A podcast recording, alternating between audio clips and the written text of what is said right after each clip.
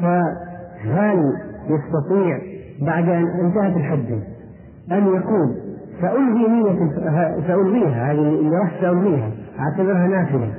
وأتي الآن بحجة فجرة هذا الشعور يوجد عند كثير من الناس يقولون هذا. والحجين قبل عشر سنوات لكن حجة ما هي مضبوطة. خلاص بنلغي هذه نعتبرها نفل هكذا. الآن يجيب حجة فريضة هل يستطيع ذلك أو لا يستطيع؟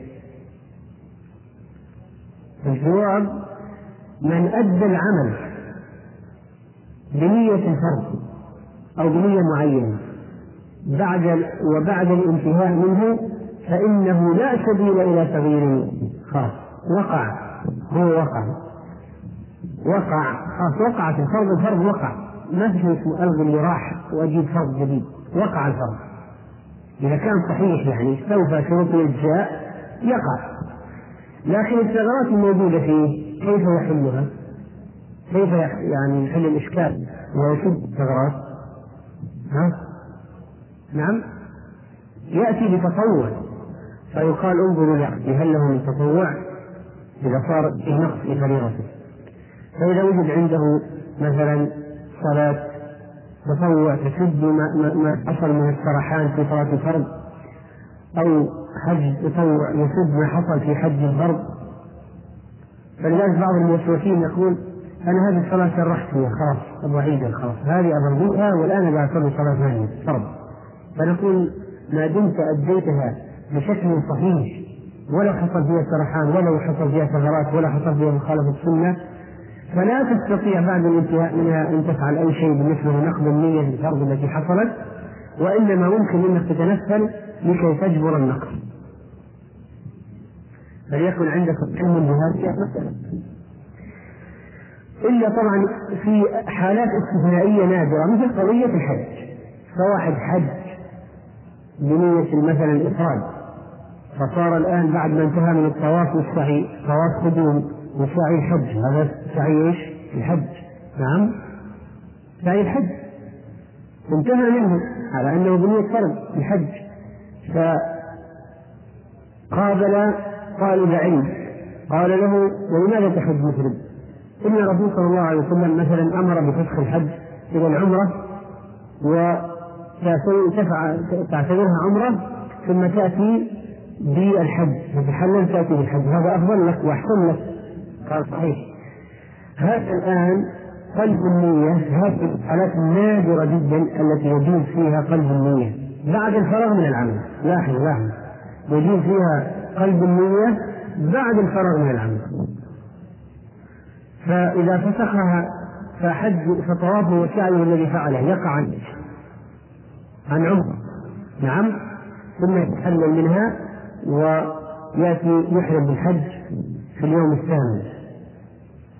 هذه مسائل نادرة لكن القاعدة من فعل عملا من عمل عملا بنية ثم أنهاه. فلا سبيل إلى نقده. ما يقول أعتبر هذا كذا. خلاص. عملت ونيته بنية معينة. فلا سبيل إلى نقده. أما الصدقة بالمال الحرام فلا شك أن الله لا يقبل صدقة بالمال الحرام. غير مقبولة. كما قال رسول الله صلى الله عليه وسلم لا يقبل الله صلاة بغير طهور طهور ولا طهور؟ لا يقبل الله صلاة بغير طهور أو طهور.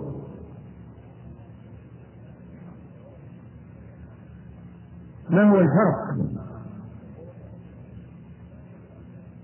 العملية ولا الماء؟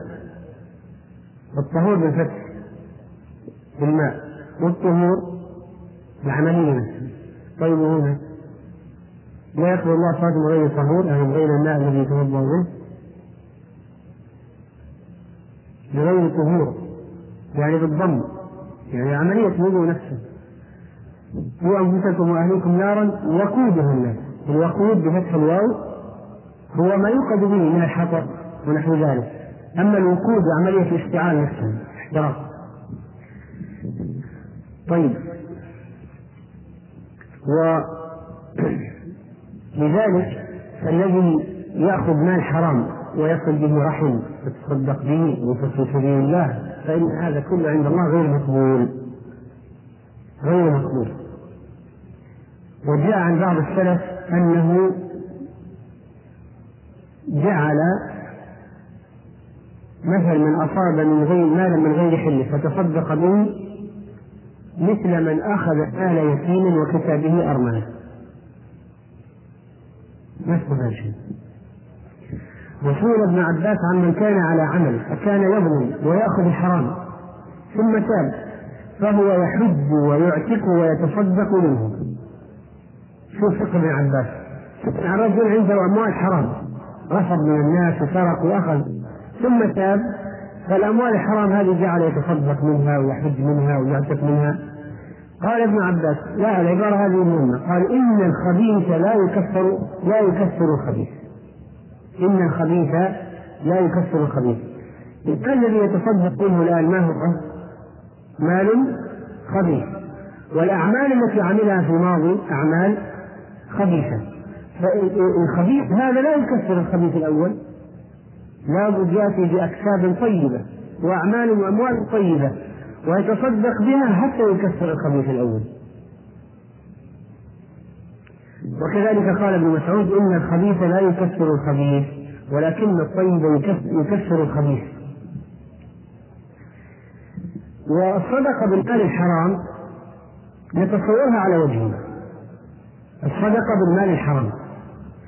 أن يتصدق به الخائن أو الغاصب عن نفسه.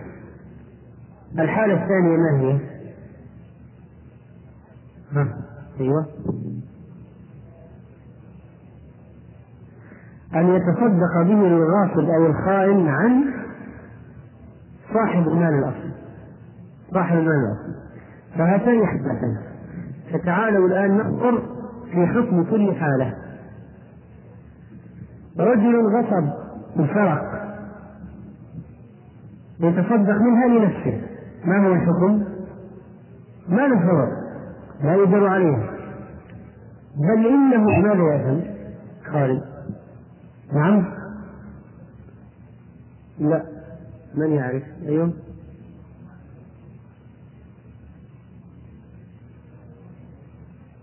لا مو يأكل مذهب. يعني تصرف في مال غيره هذا المغصوب والمسروق مال غيره هو يتصدق منه يعني يتصرف في مال غيره إذا ما فقط ما يجر وإنما ياثم لأنه يتصدق ويتصرف ويضيع وينفق مال غيره بدون إذنه. هذا حرام. فهو ياثم عليه. هذا قال به جماعة من العلماء؟ وفرعوا عليها أشياء. فقالوا ولو أخذ السلطان أو بعض نوابه من بيت المال ما لا يستحقه الآن السلطان هو يملك التصرف في بيت المال. طبعا المفروض يتصرف فيه كما أمر الله.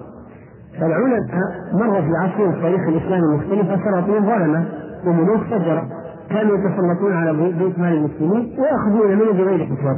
ويفعلون أشياء طيبة وخبيثة. يفعلون.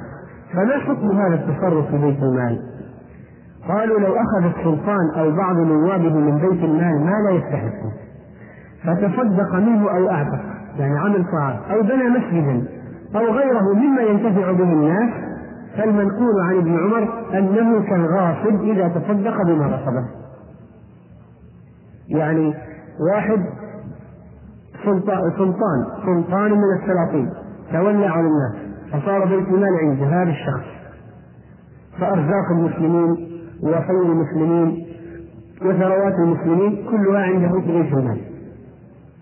فمن هذا المال الذي هو للمسلمين بيت مال المسلمين عمل صدقات وتطوعات ومساجد نعم فهل يقبل منه أو لا؟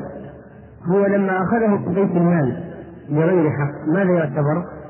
غصبه لما حطه في مساجد واشياء خيرية وضعه في مساجد أشياء خيرية فكأنه مثل الغاصب الذي تصدق بالمال المغصوب ليس له أجر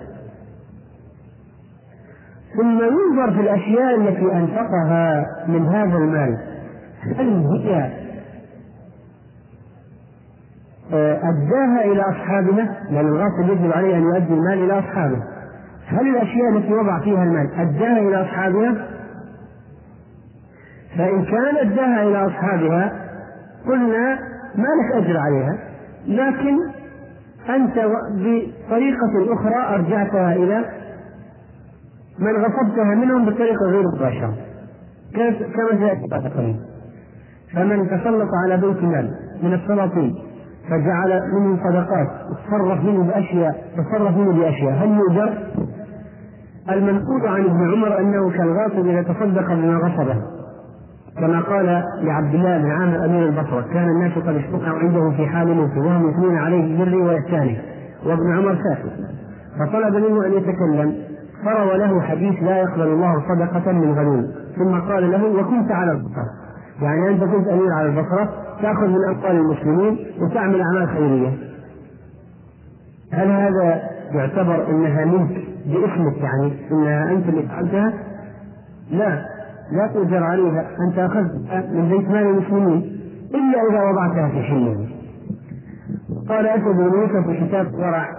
روى قال ابن عامر لعبد الله بن عمر أرأيت هذا العقاب؟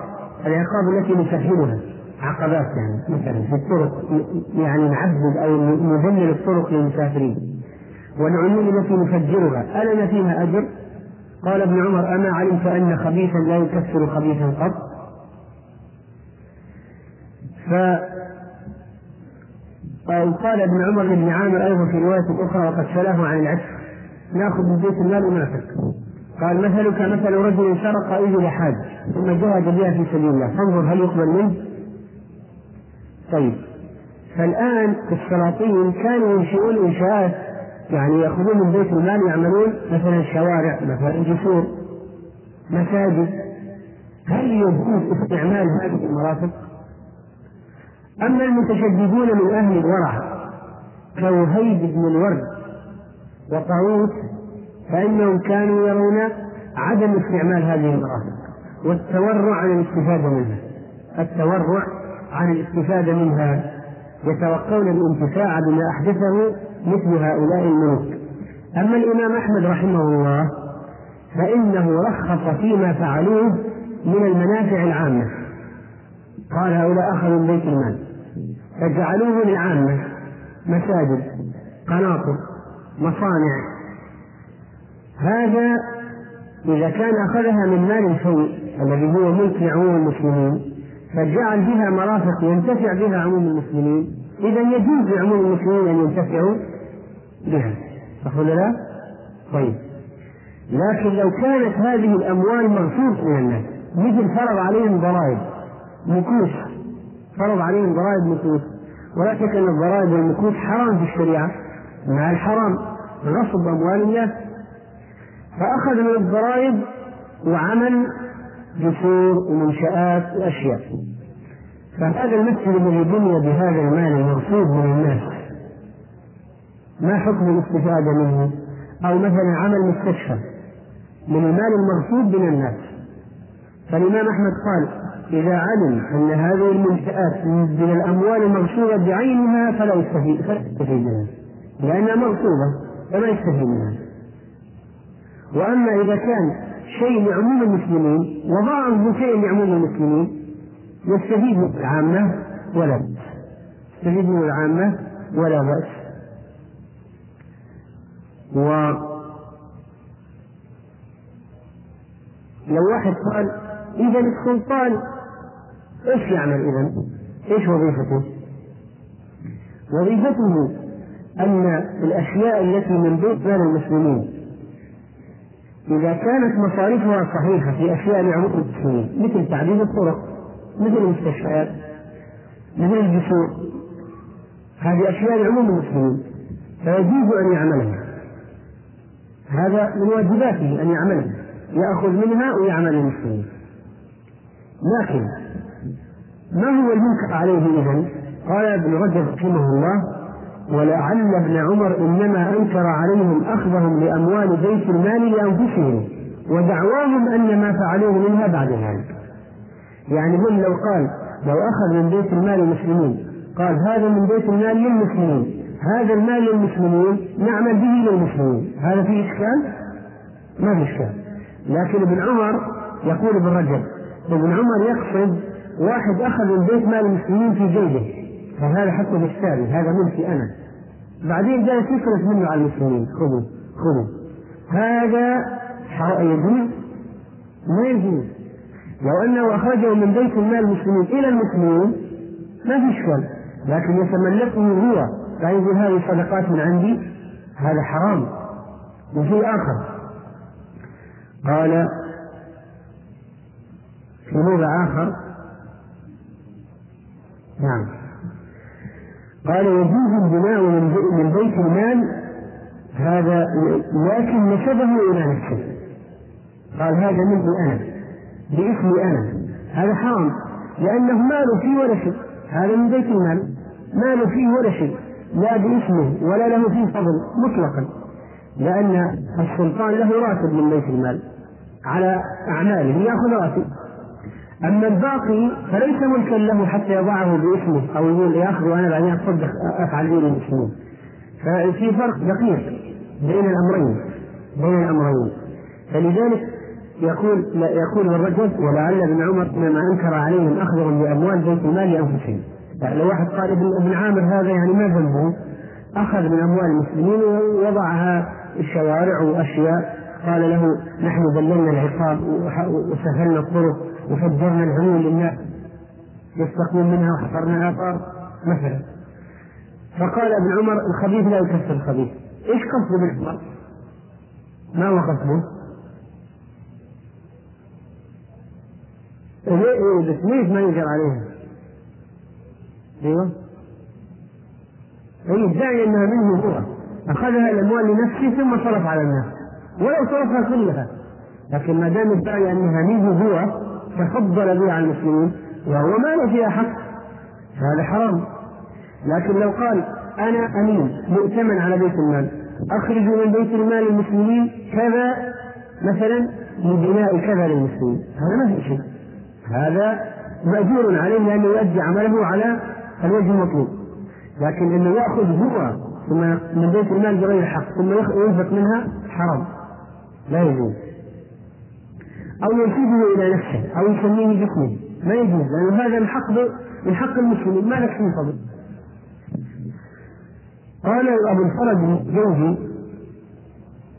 نعم فإن هذا سبيل للغصوب وعلى مثل هذا يحمل إنكار من أنكر من العلماء على الملوك بنيان المساجد. يقول لو شفت مثلا في بعض كتب أهل العلم أنهم أنكروا على الملوك بنيان المساجد الإنكار وجه الإنكار ما هو أنه أخرج من بيت المال لبناء مساجد لا. أنه أخرج بيت المال فوضعه في جيبه ثم بنى به مساجد أو سماه باسمه وليس به فضل. قال أبو الفرج الجوزي رأيت بعض المتقدمين سئل عن من كسب حلالا وحراما من السلاطين والأمراء ثم بنى الأربطة والمساجد هل له ثواب؟ فأفتى هذا المفتي يعني بما يوجب طيب قلب المنفق. يعني يطيب قلب السلطان هذا. فقال يعني أنت لك فيه نوى ترى. يعني مثل السمسار أنت تأخذ أجر. يعني ما دام راحت للمسلمين أنت مثل السمسار تأخذ أجر. قال أفتى بما يوجب طيب قلب المنفق وأن له في إيقاف ما لا يملكه شيء ما لا يملكه وجعل وقت للمسلمين. نوع سمسرة لأنه لا يعرف أعيان المغصوبين. فيرد عليهم يعني يرد إليهم الأموال. قال ابن جوز فقلت وعجبا من المتفضلين للفتوى لا يعرفون أصول الشريعة. ينبغي أن ينظر في حالها ينظر في حال هذا المنفق أولا. فإن كان سلطانا فما يخرج من بيت المال قد عرفت وجوه مصارفه بيت المال معروف مصارفه وين تروح فكيف يمنع مستحقيه؟ افرض مثلا بيت المال مثلا مصارفه في الفقراء والمساكين. فراح عمل فيه مثلا لنفرض تمثال هل يجوز؟ في الشارع. عمل فيه شيء في الشارع. لا يستفيد منه المسلمين ولا الفقراء ولا فهل هذا يجوز؟ صح أنه ما أدخله في جيبه لكن ما يجوز. قد عرفت وجوه مصالحه فكيف يمنع مستحقيه ولو جعله في مدرسة. بنى مدرسة. بنى مدرسة والمال المفروض أن يذهب إلى الفقراء. فما يجوز أن يبني مدرسة والمال المفروض أن يذهب إلى الفقراء. قال ابن الجوزي وإن كان من الأمراء ونواب السلاطين فيجب أن يرد ما يجب رده إلى بيت المال وإن كان حراما أو غصبا فكل تصرف فيه حرام والواجب رده إلى من؟ إلى من؟ من أخذه منه وغصبه منه فسرقه منه يرده إلى فإن كان كيفا رده إلى ورثته لو وجدت المغصوب منه أو المسروق منه ميت ماذا تفعل بالمال عندك؟ ترده إلى ورثة الميت طيب.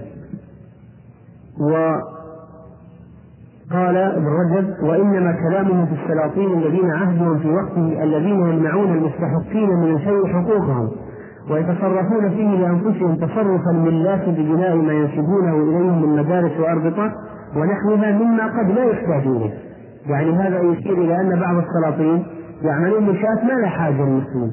فإذا هذا تبديد لثروات المسلمين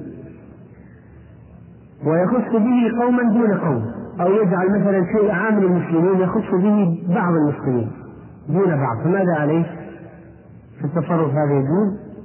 لا يجوز فإنه لو فرض إمام عادل يعطي الناس حقوقهم إلى الحين ثم يبني لهم منه ما يحتاجون إليه من مسجد أو مدرسة يجوز لكم العبارة فلو فرض إمام عادل يعطي الناس حقوقهم من الحين ثم يبني لهم منه ما يحتاجون إليه ما يحتاجون إليه من مسجد أو مدرسة أو مارستان يعني مستشفى دار علاج. ونحو ذلك هل يكون جائزا؟ نعم السبب.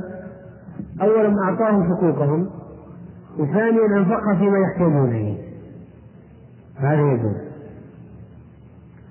ولو كان بعض من يأخذ المال بنفسه من بيت المال بنى بما أخذه بناء محتاجا إليه في حال واحد أخذ من بيت المال ما له حق يأخذ أخذ ثم بنى شيئا يحتاجه المسلم هل يجوز؟ هل يجوز؟ لا يجوز الأخذ الأول لكن إنفاقه الآن في أشياء يحتاجها المسلمون وجيه لكن ما يقدر عليه. ما يقدر عليه لأنه أصلا غصبه. قال ابن رجب هذه تخرج على الخلاف في الغاصب إذا رد المال إلى المغصوب منه على وجه الصدقة والجنة افرض أنك سرقت مال من واحد. افرض أن واحد سرق مالا من شخص. ثم انحرج أن يرده إليه يقول أنا سرقت منك وتبت إلى الله خذ. فذهب فرده إليه على شكل هدية. قال أخي أنت ما تتزوج خذ هذه يعني هدية مني. وهذه الهدية هي المال المسروق أو المغصوب منه. ما الحكم؟ فيها خلاف المسألة فقال من السلاطين الذين يأخذون من بيت المال لأنفسهم.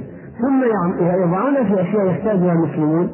المسألة تخرج على المسألة هذه. قال قد تخرج على هذه المسألة وهي شخص سرق مالا من شخص ثم رده إليه على سبيل هدية أو هبة هل يقبل؟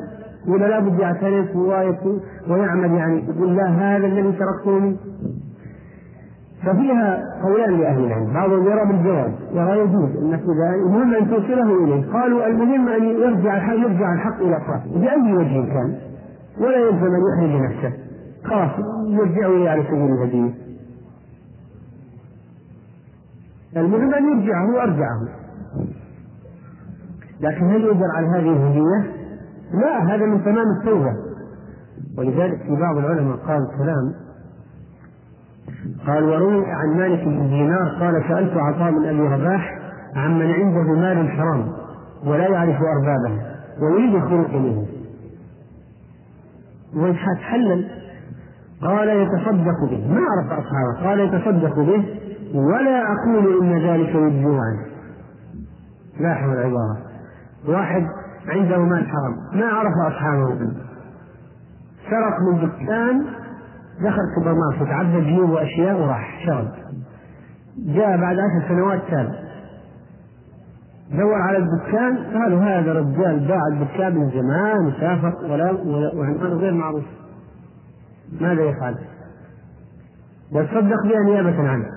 لكن عبارة عبارة عطاء بن أبي رباح قال يتصدق به ولا أقول إن ذلك يجزي عنه قال مالك كان هذا القول من عطاء أحب كان هذا القول كان هذا القول من عطاء أحب إلي من وزنه ذهبا يعني فتوى بليغة يعني يتصدق به ولا يجزمان ولا أقول إنه يجزمان كأنه يحتاج إلى مزيد من الأعمال حتى يخرج منها.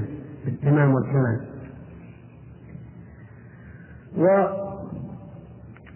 آه، لذلك كان نعود إلى مسألتنا. كان السلاطين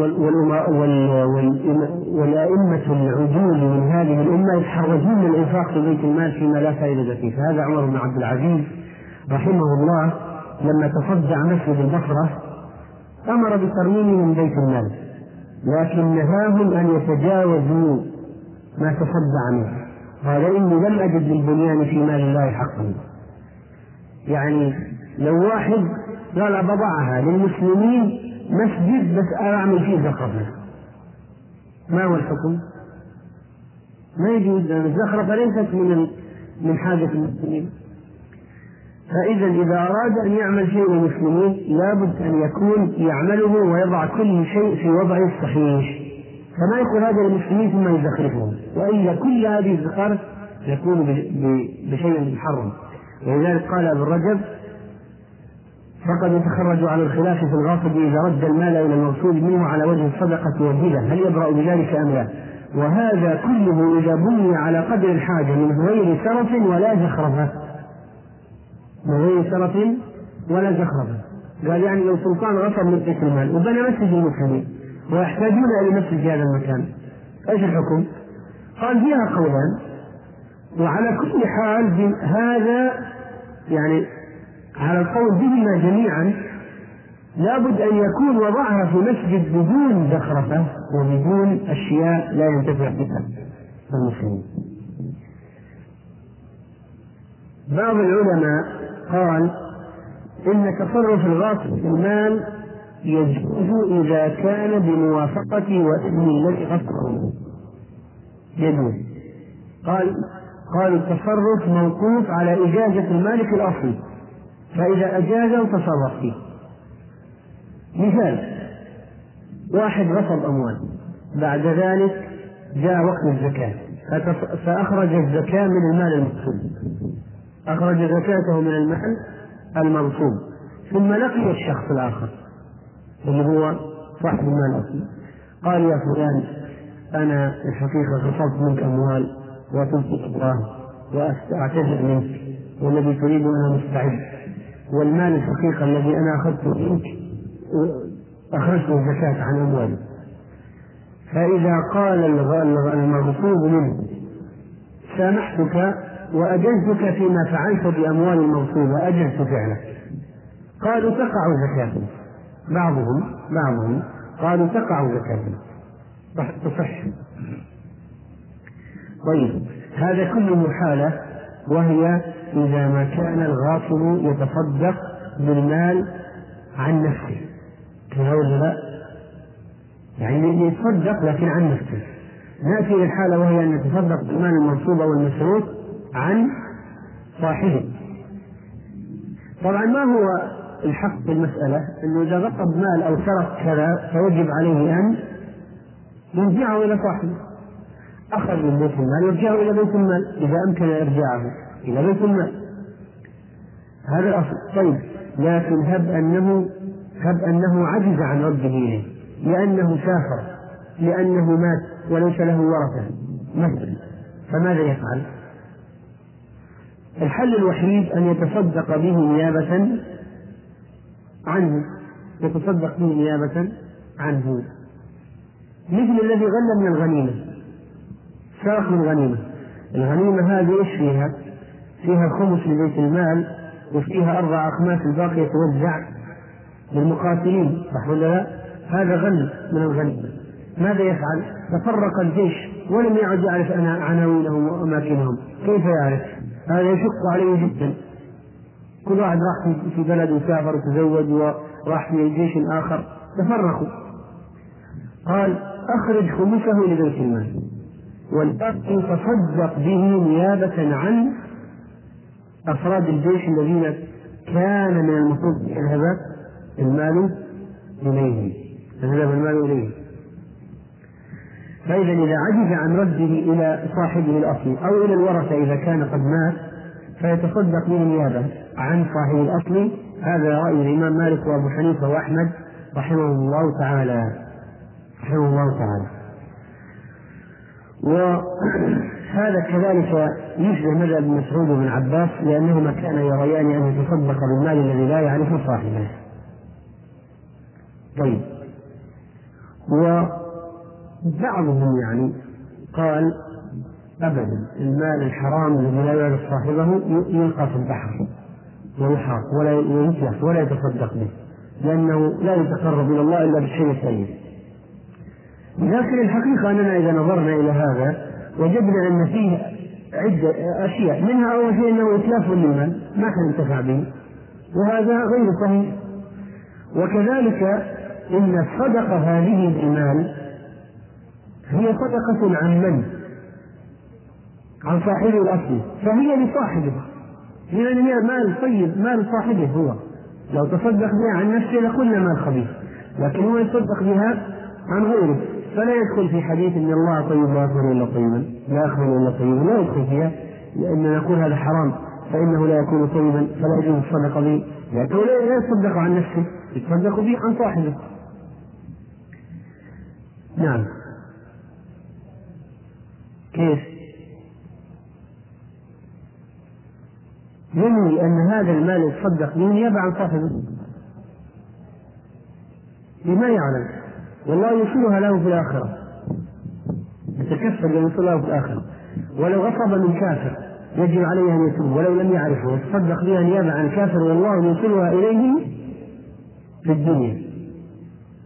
من صحة وأولاد وعافية ورزق و... والله لا يضيع يعني الله عز وجل ولا يظلم ربك أحدا. طيب آخر الحديث ماذا يوجد فيه؟ قال في آخر الحديث وذكر رجل أشعث أغبر لما ذكر رجلا يطيل السفر أشعث أغبر يمد يديه إلى السماء يا رب يا رب مطعمه حرام مشربه حرام. كم سببا من أسباب إجابة الدعاء موجود في هذا الحديث؟ عدة أسباب. الأول إطالة السفر لأن المسافر دعوته مستجابة كما ورد في الحديث الصحيح. وكلما كان السفر أطول كان الانكسار والغرب عن الأوطان والقرب إلى الله يكون أكثر. وبالتالي يكون هذا سبب من أسباب الإجابة أن يكون مسافر طبعا السبب لا يعني أن الإنسان يبذله لكن نقول هذا السبب. بس لا يعني أنك أنت تروح تسافر من أجل الدعاء مثلا تتغرب وتعطل مصالحك. لا. لكن الإنسان يتعرض إلى فلينتهز الفرصة ما دام دعاء المسافر مستجاب. والسبب الثاني من الأسباب من أسباب الدعاء يكون في الحديث غير السفر أنه قال أشعث أغبر فكلما كان العبد في حال من الانكسار أو في حال من الهيئة الرثة والتبذل وكشعة الشعر والاغبرار يكون أقرب إلى الله. لذلك جاء في حديث عرفة هؤلاء عبادي جاءوني شعثا غبرا أشهدكم أني قد غفرت لهم فصار شعث رؤوسهم واغبرارهم لأن هذه حالة تدعو للتواضع صح ولا لا؟ والمسكن بين يدي الله بينما لو كان أنيقا وقد يعني كد شعره أو ولبس الهندام فإنه يكون أبعد عن التواضع من هذا صح ولا لا؟ ولذلك في الحج عندما يكون أشعث أغبر بهذه الملابس التي تكون ملابس بسيطة جدا لا شك أنه يكون أقرب إلى الله. ولذلك كان عليه الصلاة والسلام أو قال عليه الصلاة والسلام رب أشعث أغبر مدفوع من الأبواب لا أقسم على الله لا بره ذي تمرين لا ينبه له. وفي رواية وكان الرسول عليه الصلاة والسلام إذا خرج إلى الاستسقاء يخرج متخشعا متبجلا متواضعا متضرعا ما يلبس يعني ثياب وإنما يخرج وهكذا السنة في فندق الاستسقاء لأن المسألة الآن مسألة إظهار مسكن إظهار التواضع لرب العالمين. هذا الاستسقاء يعني إظهار الفخر إلى الله. فلا يفعل مثل العيد الخروج العيدين غير الخروج للاستسقاء. وكذلك من الآداب المذكورة مد اليدين مد اليدين. فنريد الآن من يبحث لنا في الكيفيات التي كان فيها رسول الله صلى الله عليه وسلم يمد يديه. طبعا ابن رجب ذكر بعض لكن نحن نريد مزيد بالتفصيل فمن يستعد أن يبحث لنا في الكيفيات التي كان فيها صلى الله عليه وسلم يمد يديه. هل كان يمد هكذا أو هكذا أو هكذا أو هكذا؟ كيف كان يفعل؟ كيف يمد يديه؟ هذا واحد. الثاني عندك تبحث نحن بحث. مراجع يعني أيوه. ليه؟ معين.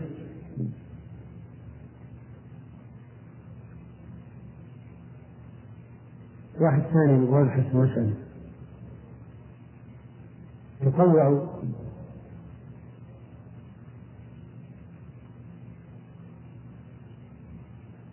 أجل نعين نعين من يبحث. تبحث لنا طيب. طيب. يعني إذا عين الإمام قوما لم يقم فيه. والله أعلم صلى الله وسلم. على نبينا عليكم في تسجيلات ابن تيمية بالصبر. الحمد لله رب العالمين صلى الله وسلم وبارك على نبينا محمد وعلى آله وصحبه أجمعين. وبعد. فنحن في نهاية الحديث. العاشر من أحاديث هذا الكتاب المبارك وهذه الأربعين التي جمعها الإمام النووي رحمه الله تعالى. وقد ذكر صلى الله عليه وسلم في هذا الحديث الرجل يطيل السفر أشعث أغبر يمد يديه إلى السماء يا رب يا رب. ومطعمه حرام ومشربه حرام وملبسه حرام وغذي بالحرام فأنه يستجاب لذلك. وذكرنا أن من أسباب الإجابة إجابة الدعاء الموجودة في هذا الحديث أولا السفر وطول السفر فإنه يستجاب في السفر للمسافر وكلما ازداد سفره إزداد عناؤه فازدادت غربته فازداد انكساره فكان أقرب إلى الله فكان دعاؤه أكثر إجابة وكذلك حصول التبذل في اللباس والهيئة بالشعث والاغترار فلذلك كان الناس في عرفة أقرب إلى الله ويقول الله للملائكة هؤلاء عبادي جاءوني شعثا غبرا فلذلك الذي يكون أكثر تبذلا في لباسه وهيئته طبعا هذا لا يعني أن الإنسان يلبس الوسخ من الثياب لا. لكن عندما يكون الإنسان في حال مثل الإحرام ينتهز الفرصة لأنه يكون أقرب إلى الله وأبعد عن زينة الدنيا وعن الثياب الأنيقة وعن الأشياء الفخمة.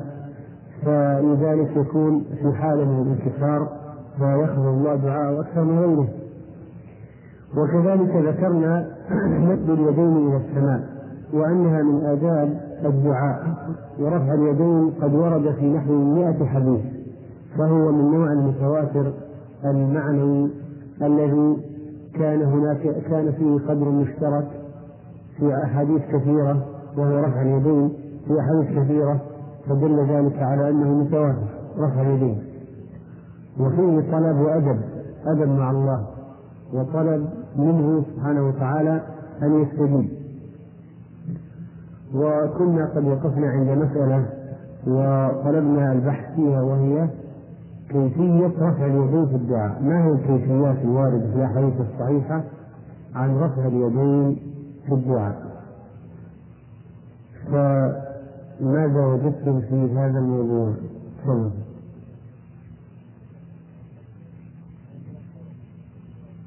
أيوه.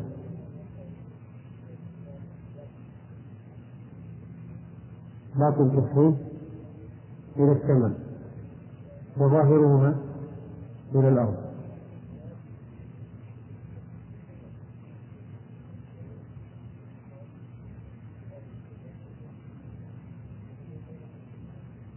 المسألة والاجتهاد.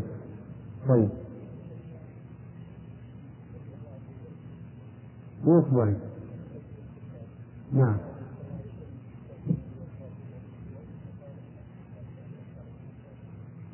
رأى سعد يده بإصبعين فقال أحد أحد وهذا أين موضعه يكون الدعاء بالسبابة؟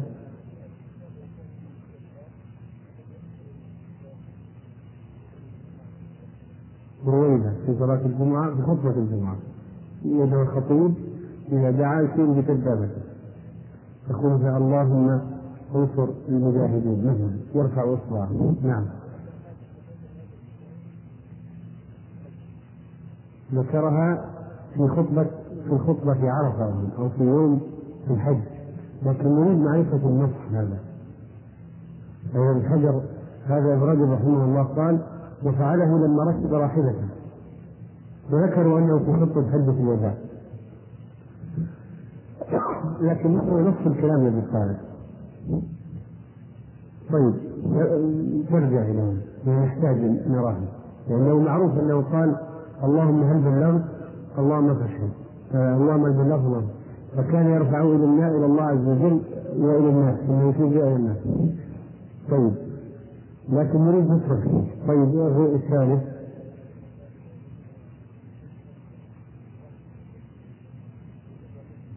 ذلك الشيء إلى السماء يباطلونها إلى الأرض وأين يفعلها؟ في حديث الاستسقاء.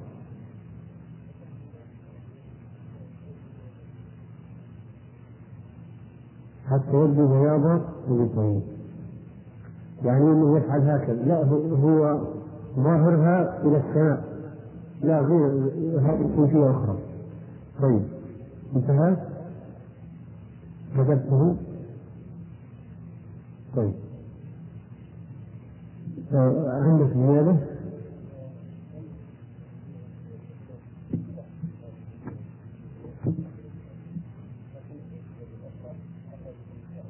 كيف صحت هذا؟ كيف صحت هذا؟ أخذ الخصام بيده ويده باليد الأخرى. طيب. هذا يصحح هذا أيضا. حتى يجاوز وقته طيب. طيب. نحتاج الآن هذا معرفة صحة بعض هذه الأحاديث. طيب. فإذا في بعض الكيفيات هكذا يمد يديه فتكون الباطن كفين إلى السماء وظاهر والظاهر كفين الأرض. وبعضها بالعكس.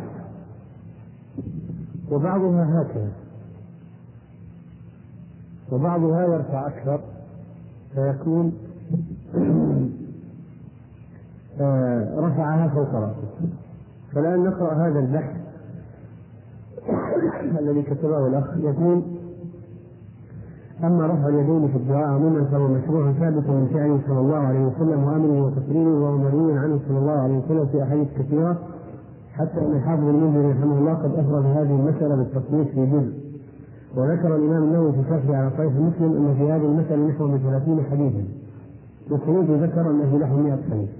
وذكر رحمه الله أيضا في المجموع ما يقارب من سبعة عشر حديثا في هذه المسألة ثم قال كل هذه الأحاديث من حديث عائشة إنما أنا بشر فلا تعاقبني إلى آخرها. رواه البخاري في كتاب رفع اليدين بأسانيد صحيحة. ثم قال طبعا البخاري له جزء خاص في رفع اليدين. خاص كتاب خاص مستقل رسالة خاصة برفع اليدين. ثم قال في آخرها هذه الأحاديث صحيحة عن رسول الله صلى الله عليه وسلم وفي المسألة أحاديث كثيرة غير ما ذكرته غير وفي المسألة أحاديث كثيرة. غير أو غير ما ذكرته. ويكفينا من كل ما ورد عنه عليه الصلاة والسلام قول إن الله تعالى حي كريم يستحي إذا رفع رجل إليه يديه أن يردهما سترا خائفتين وهذا حديث صحيح. هذا نص صريح في مشروعية الشهيدين في الدعاء. والمتأمل في أحاديث فيما ورد عن النبي صلى الله عليه وسلم في هذه المسألة من حيث يجدها لا تخلو من ثلاث حالات. الحالة الأولى أن يكون رفع اليدين إلى السماء بحيث تكون بطون الكفين إلى السماء. أو إلى الوجه إلى السماء أو إلى الوجه. نعم. وظهورهما إذا كانت الباطن إلى السماء تكون الظهور إلى الأرض.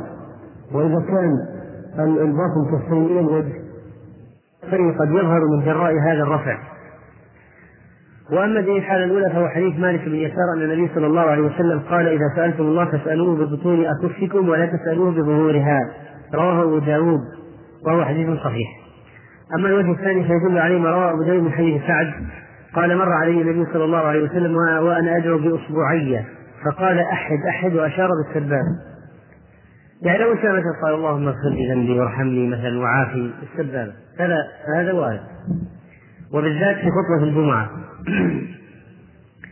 أما الحالة الثالثة فدليلها ما أخرجه الإمام مسلم رحمه الله من حديث أنس أن رسول الله صلى الله عليه وسلم استسقى فأشار بظهر كفيه إلى السماء. وكذلك لأبي داود رحمه الله من حديث أنس أن النبي صلى الله عليه وسلم كان يستسقي هكذا ومد يديه وجعل بطونهما مما يلي الأرض حتى رأيت حتى رأيت بياض إبطيه. طيب. ولكن ورد عن بعض الصحابة حديث وآثار قد تشكل على بعض ما تقدم فمن ذلك ما رواه البخاري رحمه الله في الصحيح عن أنس رضي الله عنه قال كان النبي صلى الله عليه وسلم لا يرفع يديه في شيء من دعائه إلا في الاستسقاء وإنه يرفع حتى يرى بياض إبطيه وتقدم أن ما ورد عن النبي صلى الله عليه وسلم في هذا الباب كثير فأجاب أهل العلم عن هذا الحديث بجوابين. أولا أن أنس رضي الله عنه يحكي ما علمه هو وهو لم يطلع على ما اطلع عليه غيره من الصحابة ومن علم حجة على من لم يعلم. ثانيا مفاده أن مقصود حديث أنس من هذا أنه صلى الله عليه وسلم كان في الاستسقاء يبالغ في رفع يديه مبالغة لا يفعلها في غير هذه الحالة. ومما قد يشكل أيضا أن النبي صلى الله عليه وسلم نهى عن الدعاء بظهور الأيدي كما تقدم في حديث أبي داود.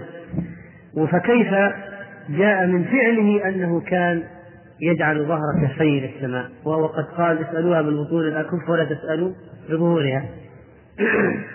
فيجاب بأنه من المحتمل أن يكون الدعاء بظهور الأيدي إنما هو خاص بصلاة الاستسقاء والباقي كله ببطون الأكف والنهي إنما يكون في غير صلاة الاستسقاء فلا يبقى إشكال.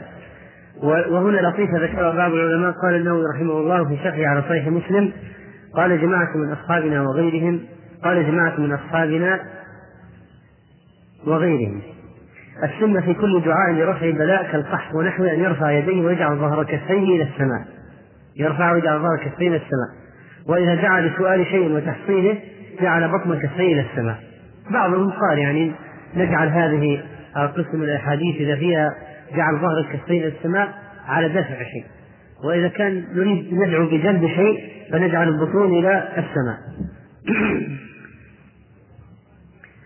وقال الحافظ الفتح بعد أن ساق كلام النووي وقال غيره الحكمة في الإشارة بظهور الكفين في الاستسقاء دون غيره للتفاؤل بتقلب الحال ظهرا لبطن كما قيل في تحويل الرداء أو هو إشارة إلى صفة المسؤول وهو نزول السحاب إلى الأرض.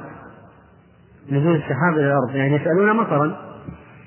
ومما ورد كذلك عن بعض الصحابة ما يشكل ما رواه حسين ما رواه مسلم في حديث عمارة بن رويبة قال رأى بشر بن مروان على المنبر رافعا يديه فقال قبح الله قبح الله هاتين اليدين.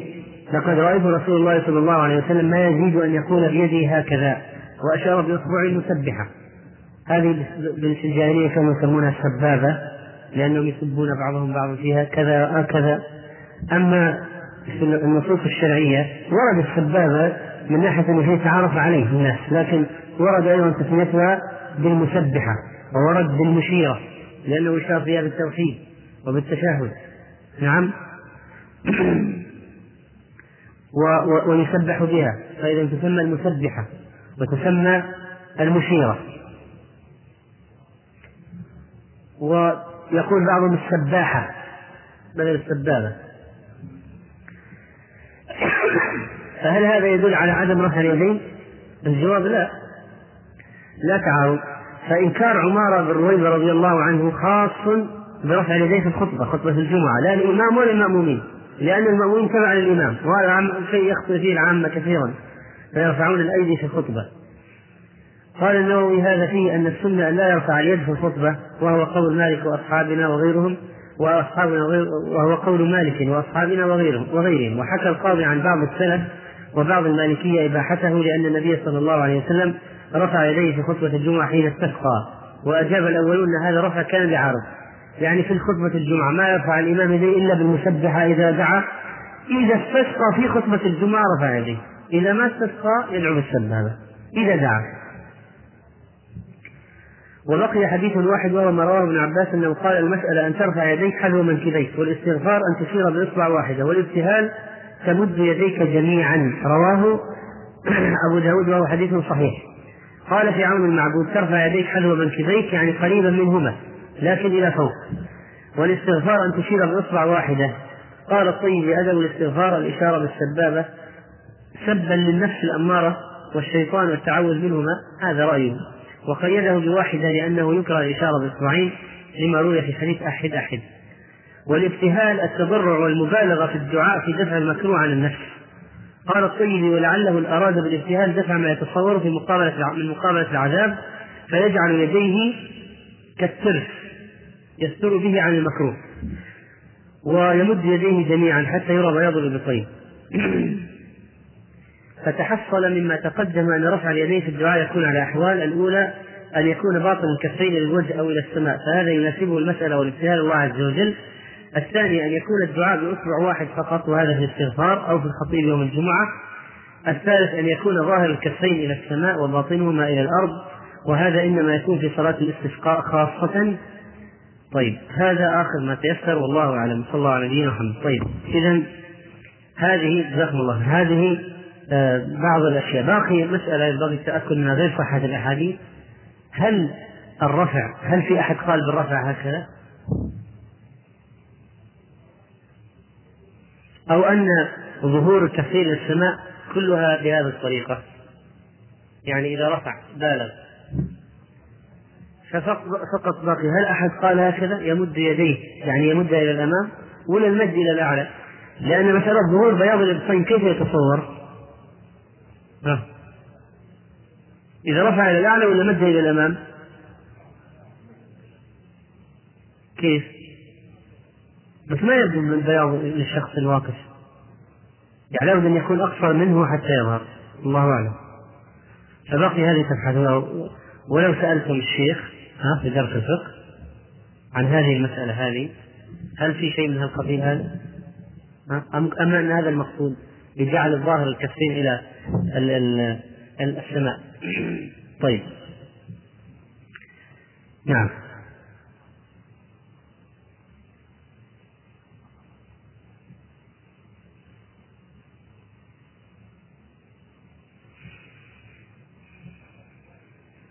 رفع الرأس ورد في حديث في ذكر بعد الوضوء.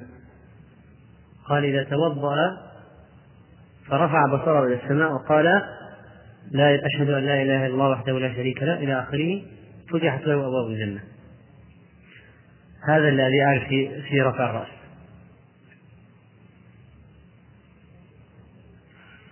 لكن يمكن أن تكون مسألة أخرى يسأل عنها. هل ثبت شيء في هذا؟ فتكون مسألة أخرى. تسأل عنها. طيب. يعني سبق سألت الشيخ عبد العزيز في مسألة اليدين. هل كيف كيف رفع اليدين؟ يعني بعض الناس يرفع هكذا بعض الناس يرفقها بعض الناس يفردها. نعم. فكيف؟ فقال الشيخ يمد يديه ويرفقهما كالذي يسأل شيئا. يعني كيف أنا مثلا يقول واحد هات أعطيني كذا. صح ولا لا؟ فقال هكذا يمد يديه كالذي يسأل شيئا. كالذي يسأل شيئا ويجعل بطنه إلى السماء. كالذي يقول أعطني هات نعم. هذه كيفية إذا يقول الشيخ يمسك كفيه ويمدها ويجعل بطن الكفين الأعلى كالذي يسأل شيئا.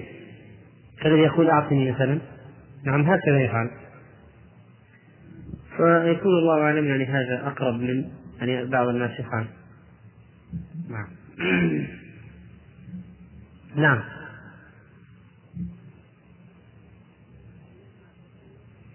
هذا يجمع كفيه ينفذ فيهما ليمسح. ليمسح. أي يجمع ليمسح على جسده. نعم. في سبع أحاديث سبع طرق لمسح الوجه اليدين لمسح الوجه لليدين بعد الدعاء لكن كلها ضعيفة. وذكر بعض أهل العلم أنها لا يحسن بعضها بعضا. لأنها شديدة الضعف جدا لا يحسن بعضها بعضا. الذي لم يثبت عنده هذا فلا يجوز له أن يرفع أن يمسح وجهه بيديه وعدها بعض أهل العلم من البدع.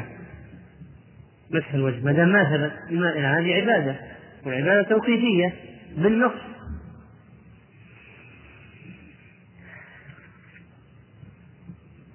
نعم.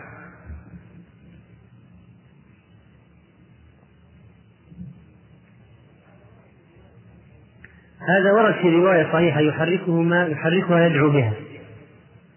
فقال بعضهم تحريك السبابة في الدعاء. ويشهد له حديث هذا أحد أحد أنه كان يستغفر أو يدعو بها فيشهد له. فمثلا يقول التحيات لله. والصلوات الطيبات والطيبات السلام على النبي ورحمة الله وبركاته. السلام علينا وعلى عباد الله الصالحين. اللهم صل على محمد وبارك على محمد. اللهم إني أعوذ بك من عذاب النار. يعني فهو يرفع عند مروره بموطن دعاء. بموطن دعاء. والقول الآخر أنه يحركها طيلة التشهد. يشير بها إلى القبلة ويرفعها ويحركها وتبقى مرفوعة. ما ينزلها بعض الناس ينزلها. هذا لا غلط. يشير بها إلى القبلة ويرفع وينزل وهي مرفوعة. وهي مرفوعة ويشير بها إلى القبلة ويحركها ويحركها. طيب أما المسألة الرابعة الواردة في سبب الإجابة في هذا الحديث من أسباب إجابة الدعاء فهي الإلحاح. الإلحاح على الله عز وجل. مثل تكرير ذكر اسم من أسمائه. مثلا لأنه جاء في هذا الحديث يقول يا رب يا رب فكرر يا رب يا رب. فقال بعضهم هذا يستفاد منه التكرار يعني أنه يدعو ويكرر يا رب يا رب. لكن يمكن أن يكون يجعل في كل لفظة مسألة في كل لفظة مسألة. فمثلا يقول يا رب ارحمني يا رب اغفر لي مثلا. وإذا تأملنا الأدعية الواردة أيضا في القرآن ربنا آتنا في الدنيا حسنة ربنا لا تؤاخذنا إن نسينا وأخطأنا ربنا ولا تحمل علينا إصرا ربنا ولا تحملنا ما لا طاقة لنا به ربنا لا تزغ قلوبنا بعد إذ هديتنا. فالدعاء بربنا أو ربي أو رب اغفر لي أو رب زدني علما. نعم. فهذه كلها من الأدعية من المستحسنة أن تدعو بهذه الصيغة يا ربي أو ربنا لورودها في النصوص الشرعية. ف وطبعا في هذا الحديث الشيء العظيم وهو أن أكل الحرام من موانع الإجابة مع أن الأسباب بدأت من جميع الجهات فهذا رجل طويل السفر أشعث أغبر كرر الدعاء ورفع يديه لكن ما في فائدة. لماذا؟ لأنه يأكل الحرام. ثم أن هذا الرجل لم يأكل حرام مرة أو مرتين. هذا مطعمه حرام ومشربه حرام وملبسه حرام وغذي بالحرام. فأنا يستجاب له فيستفاد منه أن الإنسان إذا كان منغمسا في الحرام فقمن أن لا يستجاب له دعاء. فقمن أن لا يستجاب دعاؤه. فالتوسع في الحرام أكلا وشربا ولبسا وتغذية هذا من أسباب منع الإجابة. وقد قال صلى الله عليه وسلم لسعد أطب مطعمك تكن مستجاب الدعوة. و جاء عن سعد رضي الله عنه أنه قال ما رفعت إلى فمي لقمة إلا وأنا عالم من أين مجيئها ومن أين خرجت. وقال وهب من سرة أن يستجيب الله الله دعوته فليلقي طعمته. وعن سهل بن عبد الله قال من أكل الحلال أربعين صباحا أجيبت دعوته. وعن يوسف بن الأسباط قال بلغنا أن أن دعاء العبد يحبس عن السماوات بسوء المطعم. وقال صلى الله عليه وسلم فأن يستجاب لذلك. هذا فأن يستجاب؟ يعني كيف يستجاب له؟ فهذا استفهام معناه الاستبعاد. أقول هذا الاستفهام معناه الاستبعاد. و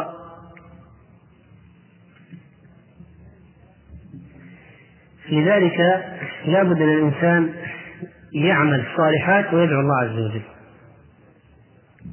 ولذلك أصحاب الغار لما انغلق عليهم الغار سألوا الله بأعمال صالحة. وقال بعض السلف الذي يدعو بغير عمل كالذي يرمي بغير وتر. كيف يرمي سهما بغير وتر؟ والورع من أسباب قبول الدعاء. الورع عما حرم الله. حتى قال بعضهم يكفي مع البر أو يكفي من الدعاء مع الورع اليسير. وقال بعضهم يكفي مع البر من الدعاء مثل ما يكفي الطعام من الملح. يعني أن البر والورع من أسباب الإجابة حتى لو صار الدعاء يسير يستجاب بسبب هذه الأعمال العظيمة. ولذلك فإن الذنوب والمعاصي من أسباب من أسباب عدم الإجابة. نحن ندعو الإله في كل كرب ثم ننساه عند كشف الكروب. كيف نرجو إجابة لدعاء؟ قد سددنا طريقها بالذنوب. نعم.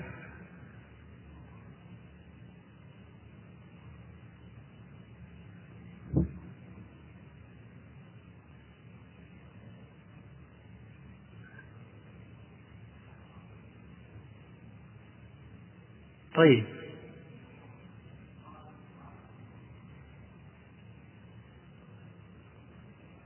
لا إحنا الآن سنتكلم عن موضوع الورع في الحديث هذا القادم ونفصل هذه المسألة الآن.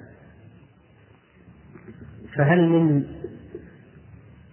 منتجب نفسه ليسمع الحديث؟ تفضل. الحديث الحادي عشر الورع.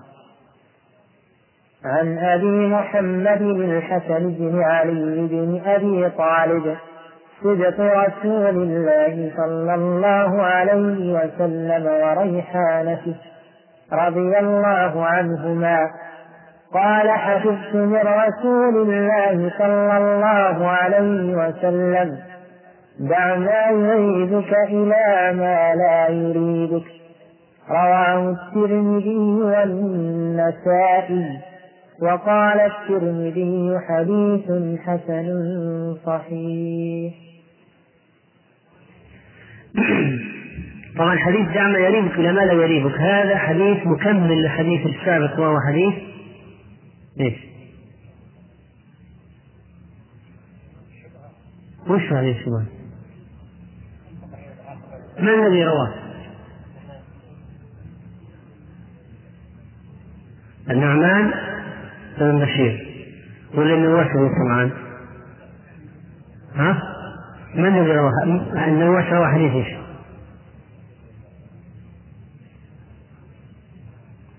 ما أسرع ما نسيت النواس روى أي حديث ها عندنا اللي في الأربعين نعم ما نهيتكم عنه فاجتنبوه وما أمرتكم منه فأتوا منه وما أمرتكم به فأتوا منه ما استطعتم. أما النعمان بن بشير فهو الذي روى حديث الحلال بين والحرام بين. حديثنا حديثنا اليوم دع ما يريبك إلى ما لا يريبك مكمل لحديث وشاهد لحديث الحلال بين والحرام بين وبينهما أمور مشتبهات. فمن وقع في الشبهات وقع في الحرام. هذا مثله. يعني هذا وحديث دع ما يريبك وحديث التمرة التي لم يأكلها النبي عليه الصلاة والسلام خشية أن تكون ثمن الصدقة. وإيش بعد؟ بقي واحد رابع. ها؟ لا. باقي حديث في مسألة الشبهات في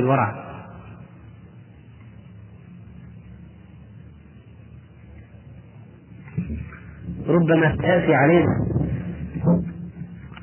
في هذه المسألة.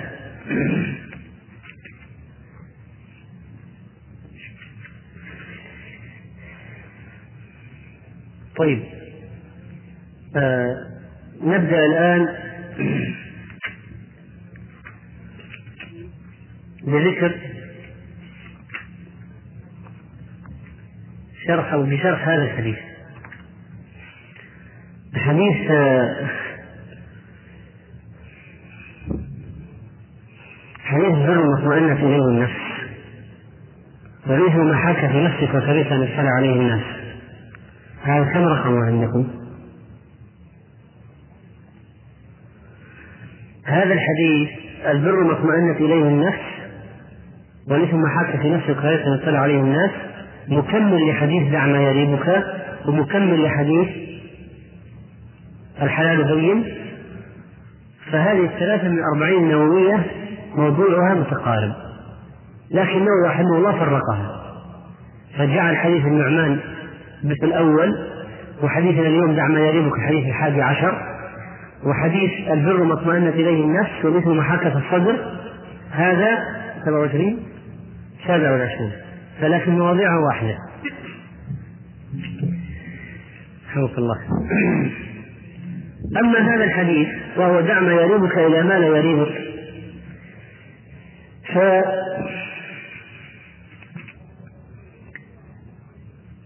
فلا شك أن موضوعه اتقاء الشبهات دع ما يريبك إلى ما لا يريبك موضوعه اتقاء الشبهات.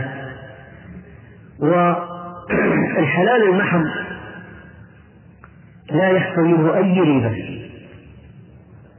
وأما الشبهة فيقع فيها في النفس ريبة من هذا الشيء واضطراب ولا تدخل النفس إلى الشبهات ولا يطمئن القلب إلى الشبهات. فهذا هو معنى الريبة. المقصود الآن الحلال المحض لا يرتاح فيه الإنسان والحرام المحض معروف. الشبهة النفس ترتاب فيها والقلب لا يطمئن إليها. ويحصل في النفس اضطراب من الموضوع. فهذه الشبهة فالرسول عليه الصلاة والسلام يوصي في هذا الحديث دع ما يريد وما دع ما يريدك فإن ما لا يريدك وقطع الشك باليقين وإزالة الشك بترك الشبهة وترك الريبة والابتعاد عنها. وقال أبو عبد الرحمن العمري الزاهد إذا كان العبد ورعا ترك ما يريبه إلى ما لا يريبه وقد كان السلف رحمه الله يعتنون بهذا الأمر وهو ترك ترك الأشياء المريبة فهذا الفضيل عياض يقول يزعم الناس أن الورع شديد وما ورد علي أمران إلا أخذت بأشدهما فدع ما يريبك إلى ما لا يريبك يعني يقصد الأقرب إلى التقوى. وإلا فإن رسول الله صلى الله عليه وسلم ما خير بين أمرين إلا اختار أيسره ما لم يكن إثما.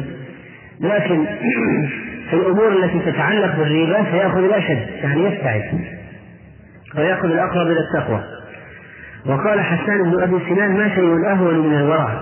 إذا رابك شيء فدعه لكن هذا لا يسهل على أي واحد ترك الشبهة والريبة. هذا لأولياء الله سهل عليهم جدا. وقد ورد عن جمع من السلف قضية الاحتياط والابتعاد عن الشبهة وترك الريبة. فمن ذلك ما حصل لأبي بكر رضي الله تعالى عنه. فإنه قد جاء في الحديث الصحيح أن أبا بكر أن أبا بكر كان له غلام يخرج له الخراج يعني له عبد.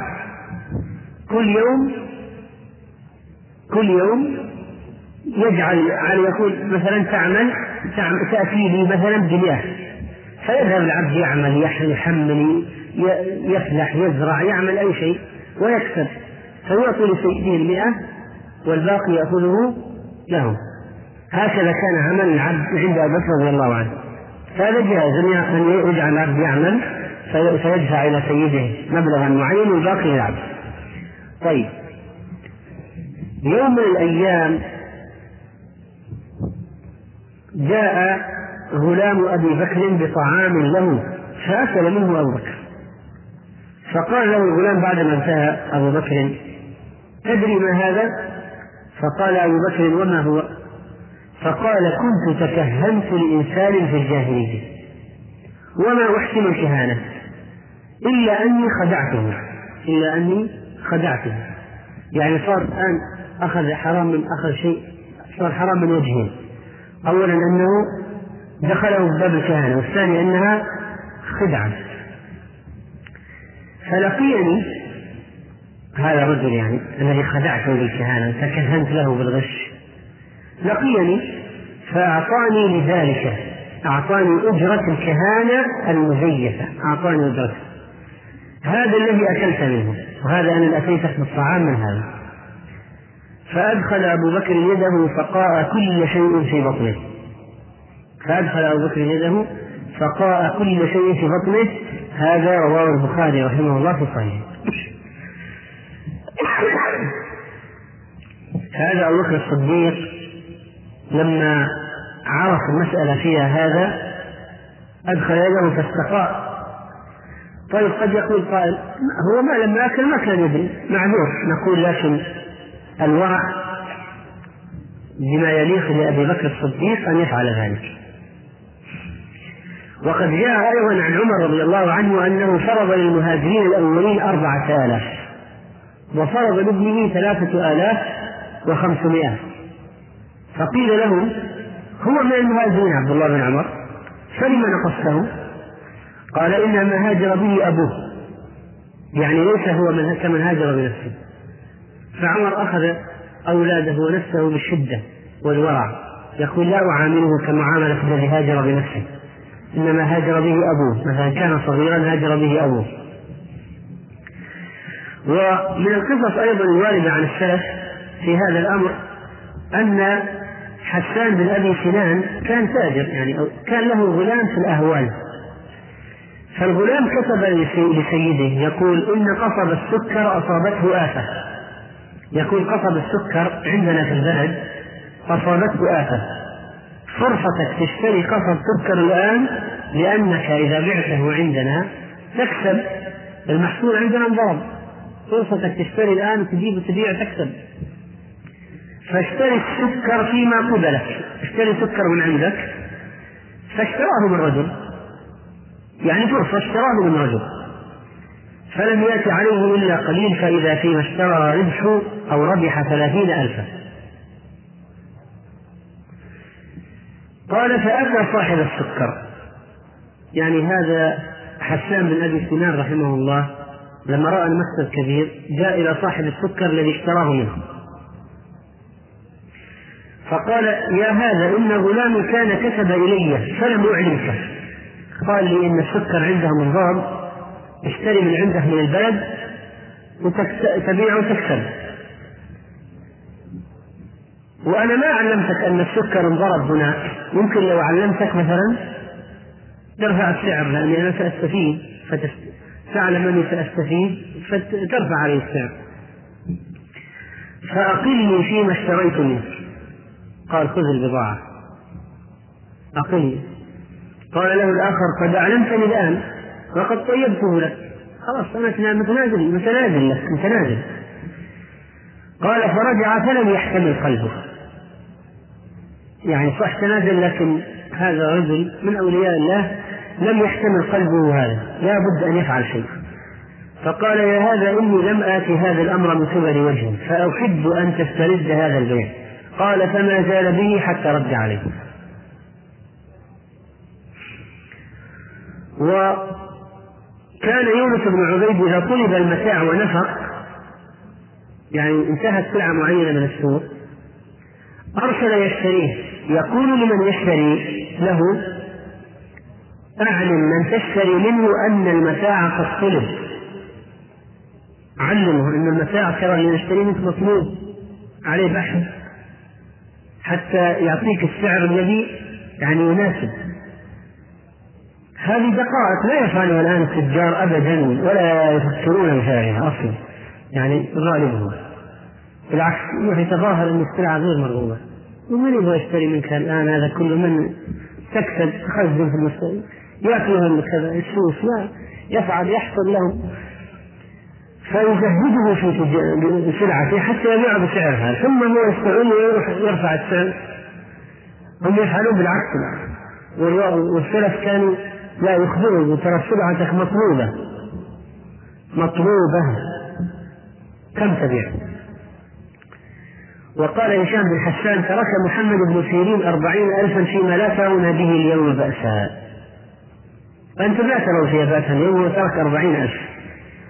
وكان الحجاج بن دينار قد بعث طعاما إلى البصرة مع رجل وأمره أن يبيعه يوم يدخل بسعر يومه. قال أول ما تدخل تبيع الطعام بالسعر الموجود. فأتاه كتابه إني قدمت البصرة. الآن هذا الرجل اللي هو وكيل الحجاج بن دينار. أرسل كتاب يقول دخلت البصرة. فوجدت الطعام مبغضا. لو الآن بعته يمكن ما يجي السعر جيد. فحبسته فزاد الطعام وارتفع سعره. فازددت فيه كذا وكذا. فكتب إليه حجاج يقول طبعا الحجاج بن دينار الحجاج بن يوسف الثقفي إنك قد خنتنا إنك قد خنتنا. وعملت بخلاف ما أمرناك به. فإذا أتاك كتابي فتصدق بجميع ثمن ذلك الطعام على فقراء البصرة. فليتني أسلم إذا فعلت ذلك. فليتني أسلم إذا فعلت ذلك. وتنزه يزيد بن زريع عن خمسمائة ألف من ميراث أبيه. لماذا؟ ما أخذ إرث من أبيه خمسمائة ألف. نصف مليون. لأن أباه كان يشتغل السلاطين ويأخذ راتب من السلاطين وراتب السلاطين فيه أموال السلاطين فيها شبهة. فقال هذا أبي كان يعمل عند السلاطين وأمواله فيها نظر فأنا آخذ راتب راتب هذه من رواتب أبي الإرث 500 ألف تركها وكان يعمل الخوف. هذا الخوف يعني ورق النخل هذا يصنع منه الزنابيل والمراوح وغيرها مثلا يعمل الخوف ويتقوت منه إلى أن مات رحمه الله. السلف كانوا حريصون على الكسب الحلال.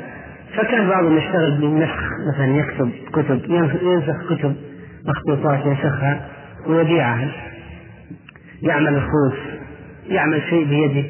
يذهب إلى السوق يصبح حمال فيكسب. يعني يتحرون الحلال في المكاتب والأرزاق. وكان المسور بن مخرمة قد احتكر طعاما كثيرا. اشترى اشترى خزا عنده. ينتظر أن يأتي فترة يعني يحتاج الناس فيبيع تكون الأسعار مرتفعة ويخسر فرأى سحابا في الخريف. وقت قلة الطعام فرأى سحاب فكرهه يعني قال الآن لو نزل المطر تنبت الأرض يطلع نبات يصير اللي عندي ما له يعني. هذا شيء نفسي الآن لا تلفظ ولا عمل ولا فعل شيء. ثم حاسب نفسه. فقال ألا أراني قد كرهت ما ينفع المسلمين؟ فآل أن لا يربح فيه شيئا. قال أنا كرهت شيء ينفع المسلمين. كرهت لهم نزول المطر وهذا ينفعهم. فلم يربح فيه شيء. وهذا معناه أن المحتكر ينبغي عليه أن يتنزه عن كسب الاحتكار ولا يأخذ منه شيئا. طبعا الآن هذا في البلد كثير ناس تجار يخزنون البضاعة حتى تنقطع من السوق. فإذا جاء الناس يبحثون عنها. وين الكذا وين كذا؟ وين؟ نزلها الآن بسعر مرتفع. الناس محتاجين فيشترون. ولا لا في علة في الشحن ولا في الاستيراد ولا شيء. ولكنهم يخزنون السلع. حتى ويمنعونها فترة. حتى يصير عليها طلب ويسأل الناس عنها فيرفعون السلع وينزلوها في المرة الثانية في السوق. وأحيانهم كثيرة يعني يعني الأشياء هذه التي يعملونها التجار الآن في السوق كثيرة جدا لا حصل لها عدة أشكال وأنواع من التحايلات. وكان أحمد رحمه الله يرى أن الإنسان لو استأجر شيئا ثم أجره أنه يتنزه ويتورع عن الفرق افرض استأجر شيء بعشرة آلاف.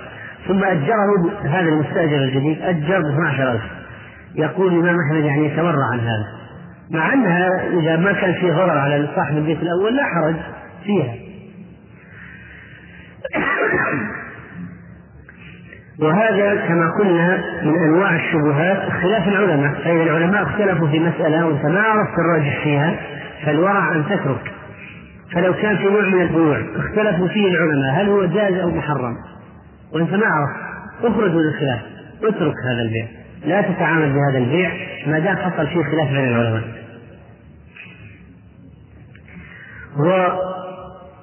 وهذا إذا كان الشيء لم يتضح لك لكن لو اتضح لك حله مئة بالمئة فلا حرج عليك أن تتعامل فيه. وكذلك الرخص. لو بعض العلماء رخص في شيء بعضهم لا قال هذه ما لها رخصة. لا تترخص. إلا إذا علمت بالدليل صحة الرخصة فإن الإنسان لا يخرج من الصلاة إلا إذا سمع صوتا أو وجد ريحا لو شك. ما يعني بالله؟ الاحتياط والورع أن يخرج من الصلاة. هل يخرج؟ يقول يمكن أحدث أحسست بشيء. هل الورع أن يخرج من الصلاة؟ لا لأن فيه نص المسألة فيها نص. أن لا يخرج من الصلاة. وكذلك من الأشياء أيضا التي لا تفعل في الرخص أو يعني لا, لا تترك ورعا آه، في المسائل التي لا تترك ورعا آه، مثل ترك عمل مثل التورع عن عمل يؤدي إلى ترك واجب. مثال في عندك إمام يقنط الفجر وهذا خلاف السنة. تترك الصلاة في المسجد من أجل هذه البدعة؟ أن تصلي قال شيخ الإسلام يصلي. لأنه إذا فعل هذا أدى إلى إيش؟ ترك الجماعة ترك صلاة الجماعة. ترك صلاة الجماعة. فلا يتورع عن شيء يؤدي يعني لو واحد تورع عن شبهة أدت إلى ترك واجب. أدى تورعه عن الشبهة إلى ترك واجب. ما حكم التورع؟ لا يجوز لو واحد تورع عن شبهة أدى ورعه إلى الوقوع في محرم ماذا يفعل؟ ما حكم ورع الورع هذا؟ فاسد ما يجوز وذكر شيخ الإسلام صور لهذا الأمر وسنطلب منكم بحثها إن شاء الله وكذلك من الأشياء التي مهمة الورع أن بعض الناس يتورعون عن أشياء من الشبهات ولكنهم يفعلون الموبقات. هذا ينكر عليه أو لا ينكر عليه؟ ينكر عليه. يعني لو واحد مثلا يعمل فواحش لكن وجد ثمرة في الأرض قال لا هذه لا آكلها. أخشى أن تكون سقطت من إنسان اشتراها فهي ملك غيري. وأنا لا آخذ أملاك الغير وربما فماذا يحصل؟ ينكر عليه. نقول له هذا أنت إذا تعتبر نفسك الآن ورع فأنت هذا ورع فاسد. اترك المحرمات أولا. قبل أن تتورع عن الشبهات تترك المحرمات. ولهذا لما جاء أهل بعض أهل العراق ابن عمر يسألونه عن دم البعوض قتل البعوض في الإحرام. يجوز؟ قال يعني عجبا لكم يا أهل العراق. تسألون عن دم البعوض. وقد قتل قتلتم الحسين ابن بنت الرسول صلى الله عليه وسلم الذي قال فيه في الحسن هما ريحان هما ريحانتاي هما ريحانتاي من الدنيا عجبا لأهل العراق. يسألون عن دم البعوض. وقد قتلوا ابن بنت النبي عليه الصلاة والسلام الحسين طيب فإذا الذي يأتي يتورع في أشياء وهو يرتكب موبقات ما نقبل منه الورع نقول أول كف نفسك عن المحرمات ثم بعد ذلك تورع. وهذا يعني منقل هذا معنى القصة التي جاءت عن الإمام أحمد رحمه الله. سئل عن رجل يشترط يشتري بقلا ويشترط الخوصة. الخوصة هذه الأشياء التي تربط بها الحزمة. تعرفون هذه التي تربط بها الحزمة من البقل وتربط بها الحزمة من البصل. هذا رجل يقول يشتري البقل من صاحب المزرعة ويقول بس شوف أشتري منك البقل. بشرط أن الخوص الذي يربط به البقل حلال يعني يعني ما عليه شيء آخر من الأرض يعني. معنى هذا الخوص لا قيمة له. صح ولا لا؟ ما له قيمة. فالإمام أحمد لما سمع المسألة قال إيش هذه المسائل؟ من يعني؟ هذا ورع من أين؟ قيل له إنه إبراهيم بن أبي نعيم. قال إن كان إبراهيم بن أبي نعيم فنعم هذا يشبه ذاك نعم يليق بحاله يعني.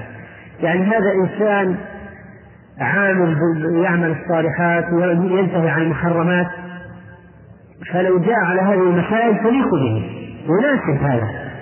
لكن واحد يعمل الموبقات ثم يأتي ويقول بشرط أن هذا الخوف يعني حلال. ما بعد إذنك يعني بعد إذنك. فهذا ينكر عليه هذا على هذا تحمل القصص التي ذكرها ابن رجب رحمه الله. وقال وإنما أنكر هذه المسائل من لا يشبه حاله وأما أهل التدقيق في الورع فيشبه حاله ما هذا. وكذلك في الدعوة نحن ما نقول الناس تورعوا عن الشبهات وهم وقعون في المحرمات نبدأ معهم أولا بنهيهم عن المحرمات قبل نهيهم عن الشبهات. لأن هذا أولى من هذا.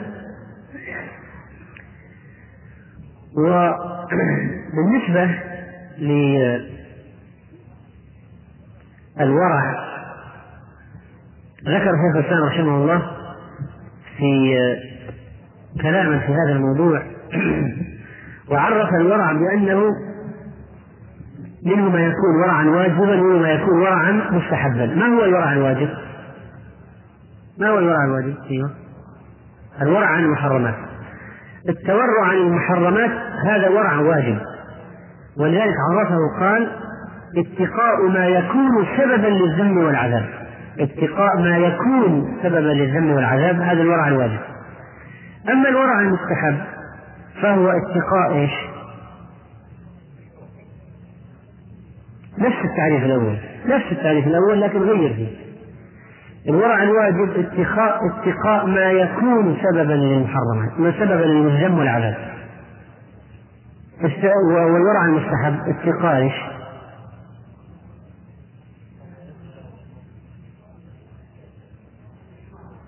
اتقاء ما يخشى أن يكون سببا للذم والعذاب. هذا الورع المستحب.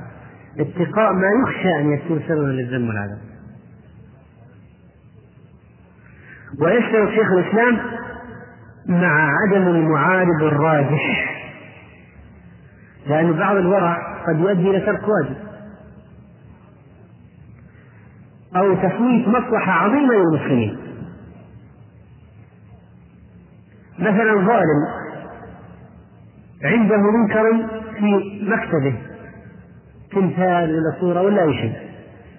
تقول لا لا أمر ولا أنهاه ولا لا أني أخشى أن يدخل على المكان هذا في صور طيب هذا أمره ونهيه فيه مصالح عظيمة للمسلمين ورفع ظلم فهل هذا ورع؟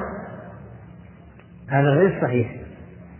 فإذا الورع المستحب اتقاء ما يخشى أن يكون سببا للذم والعذاب مع عدم المعارض الراجح. مع عدم المعارض الراجح.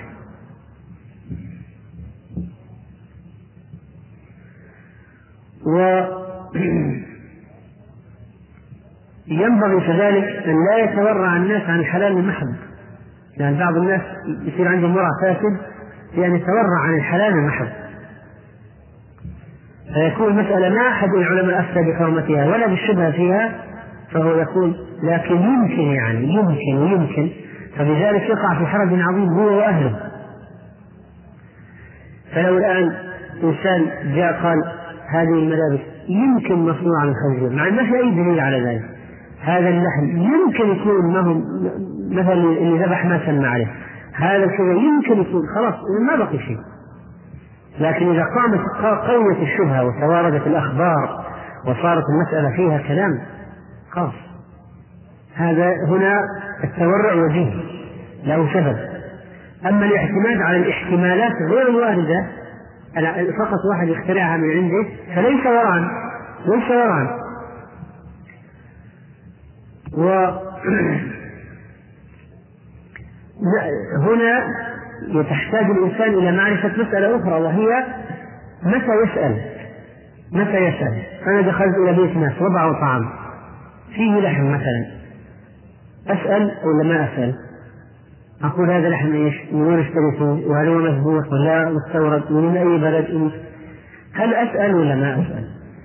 مثلا واحد أعطاني مال اشتريت منه بضاعة قلت هذا المال أنت من وين؟ إيش أعمالك؟ إيش تشتغل؟ وين تشتغل؟ وين مكسبك؟ وين تجيب فلوس؟ هل أسأل أو لا أسأل هذه مسألة عموما إحتاج وقع فيها الناس فلذلك قال شيخ الإسلام رحمه الله إنه لا يسأل إلا إذا كان قام عنده سبب للسؤال. في ريبة في شك في سبب يعني يدعو للسؤال. هذا الذي نسأل. أما إذا لم يوجد سبب ولا ارتبنا في شيء فإن السؤال من التكلف الذي نهينا عنه. هذا من التكلف بالسؤال. أما إذا قام سبب في قرائن في قرائن. نعم هنا نسأل في قرائن. إذا لم يوجد قرائن ما نسأل. السؤال من التكلف الذي نهينا عنه. و من يأتينا بنص كلام شيخ الإسلام؟ من يأتينا بنص كلام شيخ الإسلام في متى يحسن السؤال؟ نحن ندل على الموضع.